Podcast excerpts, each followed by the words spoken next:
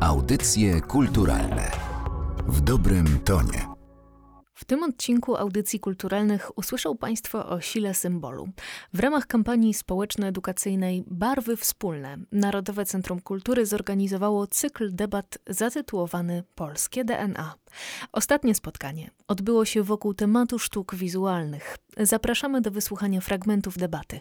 O podziale symboli mówił doktor habilitowany Marcin Napiórkowski. Kiedy mówimy o godle, kiedy mówimy o hymnie, kiedy mówimy o barwach narodowych, mamy poczucie, że bierzemy symbole z tego porządku wysokiego i że im należy się pewien szczególny rodzaj ekspozycji. One przynależą do specjalnych sytuacji, przy nich obowiązuje specjalne zachowanie, ale mamy też ten drugi porządek symboli, może bigos, może jakiś szalik kibica reprezentacji, a może jeszcze jakieś inne drobne nowe symbole.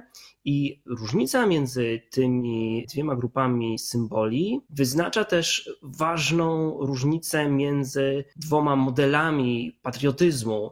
Jeden z nich jest skupiony na przeszłości, na wydarzeniach wielkich, na poważnych problemach, zbudowany wokół wartości takich jak na przykład niepodległość. Drugi z nich jest bardziej celebrowaniem codzienności, budowaniem takiej tożsamości, jest związany z właśnie z lokalną kulturą, płaceniem podatków, dbaniem o tę małą ojczyznę, może nawet sprzątaniem po swoim psie, kasowaniem biletów i tak dalej. I dzisiaj jednym z ważnych takich wyzwań, które przed nami stoją w tym świecie symboli, jest znalezienie takiej płaszczyzny, na której te dwa patriotyzmy zamiast rywalizować albo się wzajem zwalczać, będą mogły współpracować i odkryć wzajem jeden piękno drugiego, bo nie chciałbym na pewno żyć ani w Polsce, w której nie będzie biało-czerwonych barw, bo wszystko rozpłynie się w codzienności i nie będzie tego święta, ani w Polsce, w której nie będzie bigosu i pierogów, bo do wszystkiego będziemy podchodzić śmiertelnie poważnie i na przykład ten kod kulinarny jakoś tam zatracimy. To jest ta bardzo długotrwała historia, tradycja, która jest historią wielu bardzo pokoleń. Przypominała profesor uczelniana doktor habilitowana Małgorzata Wrześniak, historyk sztuki. To ten obraz Polonii, personifikacji ojczyzny, która była od właściwie tysięcznego roku funkcjonowała w tym wizualnym przekazie jako kobieta silna, kobieta, która właśnie przyodziana jest w te barwy, z którymi się identyfikujemy i służyła wielokrotnie na przestrzeni dziejów, to możemy czytać, jako y, obraz wspólnoty i tożsamości. Te symbole były przekazywane nam e, na przestrzeni dziejów jako właśnie coś wspólnego, co nam pozwala być razem, rozumieć się i oczywiście jeśli nawet są wielkie różnice między nami, bo są,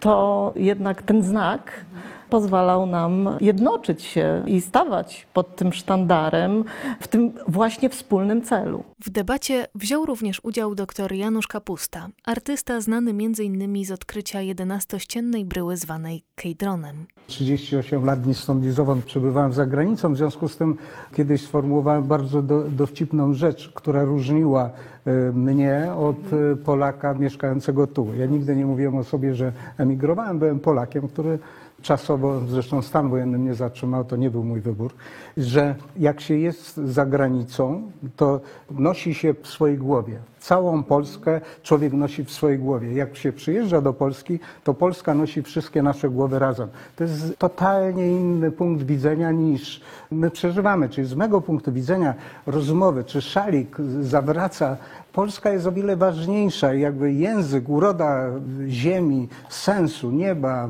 czegokolwiek, wspomnień jest o wiele istotniejsza niż jakby gmatwanie, jakby banalizowanie. Bo mówię, w momencie, kiedy nawet sam wiem, spróbujcie nie obrazić. No, nie jesteście w stanie, jeżeli ja się temu nie poddam. Możecie powiedzieć, że jestem złodziejem, że, że oszukałem, że jak ja nie reaguję na to, jakby nic to nie ma znaczenia. Chodzi mi o to, że, że my Polacy jakby za głęboko przeżywamy siebie, bo jesteśmy ciągle jakby siebie niepewni. My jesteśmy ciągle narodem niespełnionym, i ciągle jakby w jakiejś pogoni. W związku z tym trochę tacy zahukani i niewierzący w swoją inteligencję, wartość i wyjątkowość. To jest jakby najbardziej męczące, że tu jak się pojawi mądry człowiek, to od razu się pojawi drugi, który będzie udowadniał, że on nie jest tak interesujący. My się remisujemy, nie dodajemy siebie i w związku z tym potem tracimy energię na jakieś rozmowy, a ten, a nie ten. Polska jest jakby o wiele większą wartością. Dobrze by było, żeby za tymi symbolami, za tym świętowaniem stała też taka głębsza refleksja właśnie na ten temat, co ten symbol tak naprawdę może ze sobą nieść dla nas samych. Jest oczywiście tak, że medium wpływa na przekaz i co innego ten sam znak znaczy umieszczony na przykład na jakiejś ścianie pamięci albo w muzeum, a co innego znaczy na kubku, podkładce pod myszkę albo opakowaniu na telefon komórkowy. Ta zmiana działa też w drugą stronę i świat wokół nas oznaczamy tym, co jest dla nas ważne, tak jak fan Gwiezdnych Wojen mówi, to jest moja tożsamość, ja mam wszystko z tym Czubaką albo Hanem Solo, tak możemy mówić, to jest moja tożsamość, ja żyjąc dzisiaj w XXI wieku, wciąż uważam, że dla mnie ważne tożsamościotwórcze jest to, co się w Polsce działo w latach 40.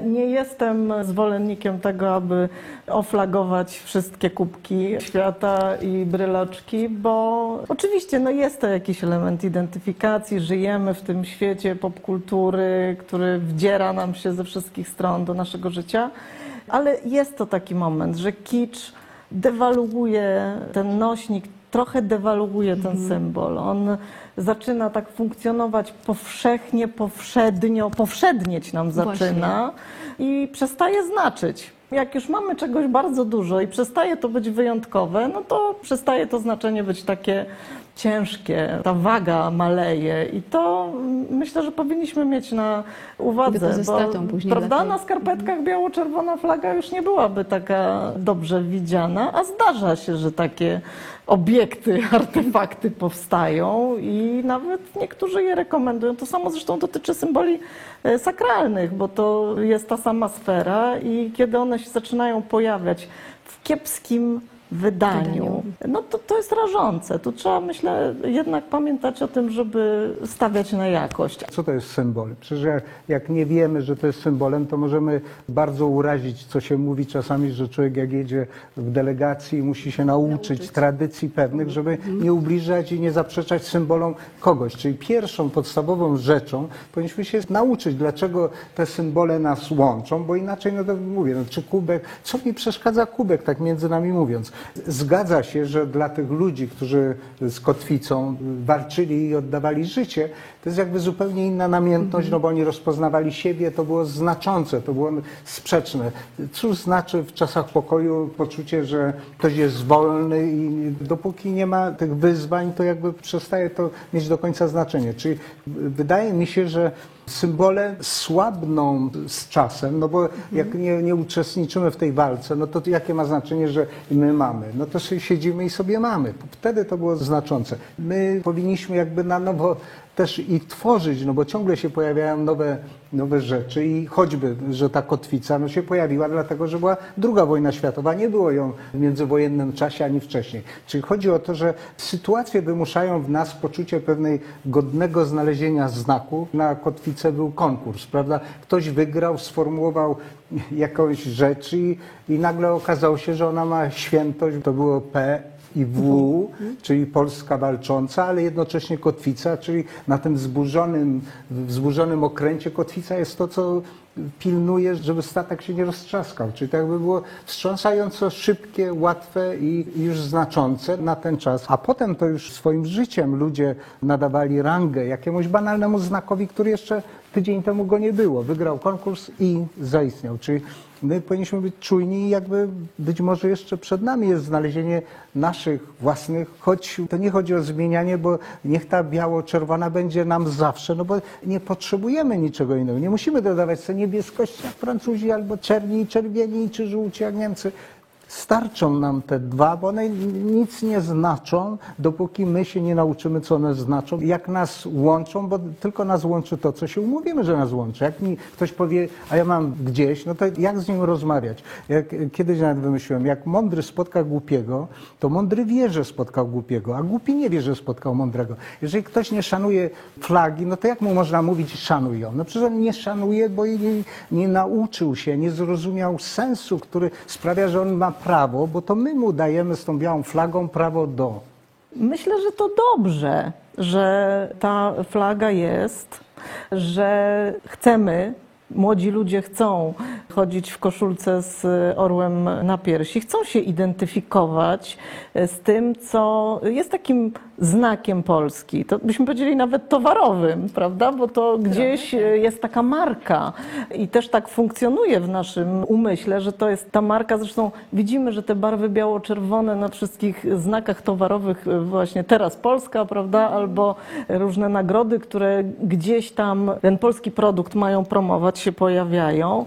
I dobrze, że gdzieś ten wspólny znak jest, który miejmy nadzieję, jest rozumiany głębiej. Mamy badania, które pokazują, że niestety nie nastąpił jakiś wzrost zainteresowania historią wśród młodych ludzi chętnie noszących odzież patriotyczną. To szkoda.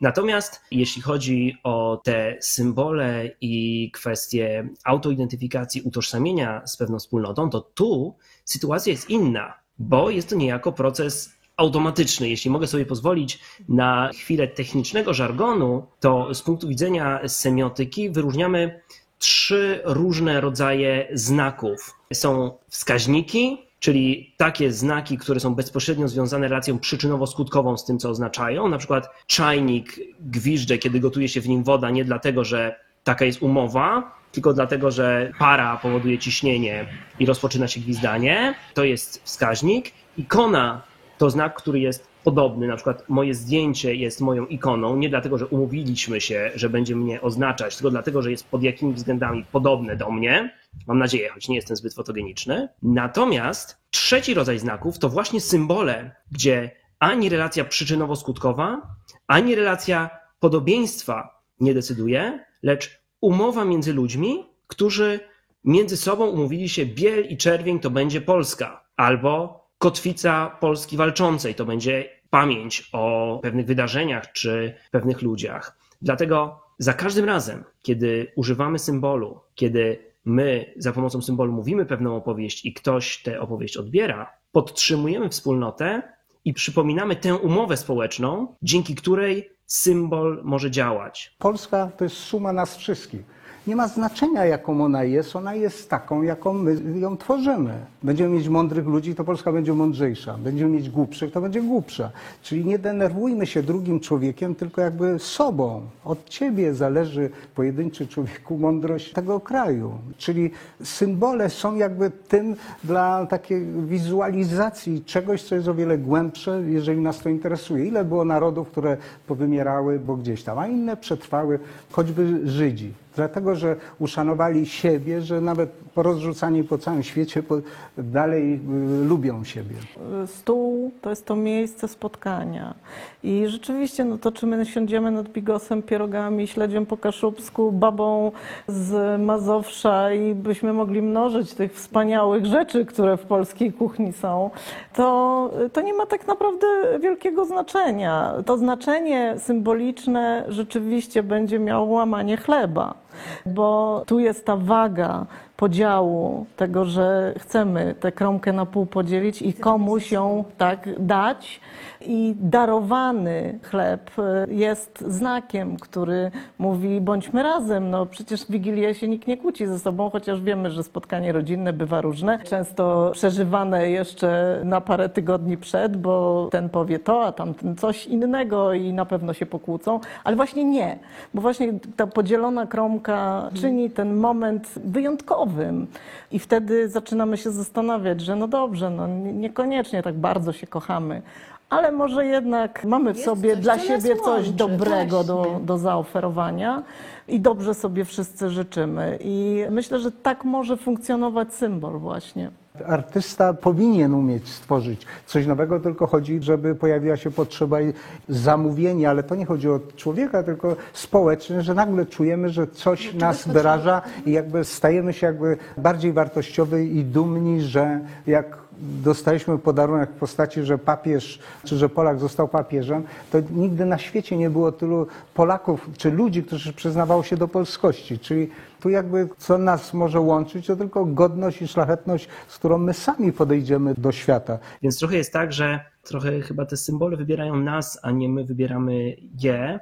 Niestety jest tak, że popularność pewnych symboli bardzo często cementują dramatyczne wydarzenia. Tam, gdzie pojawiają się masowe protesty społeczne, gdzie pojawiają się jakieś dramatyczne wydarzenia, tam bardzo często jest potrzeba tych symboli na manifestacjach, na protestach, czy nie daj Panie Boże w wojnie. I wtedy te symbole, takie właśnie krwią czy potem okupione, szybko się do tożsamości narodowej wdzierają. Jeśli próbujemy tak w czasie pokoju wymyślić, a stworzymy nowe logo dla Polski, no to nie wróżę tutaj łatwego sukcesu. O tym, jak opowiadać o historii Polski, aby zainteresować odbiorców, jak wyrażać swój patriotyzm poprzez muzykę i jak wzmacniać markę Polski za pośrednictwem kultury, usłyszą Państwo w pozostałych debatach z cyklu Polskie DNA. Linki do fragmentów spotkań znajdują się w opisie podcastu. Zachęcamy do sprawdzenia i do usłyszenia w audycjach kulturalnych. Audycje kulturalne w dobrym tonie.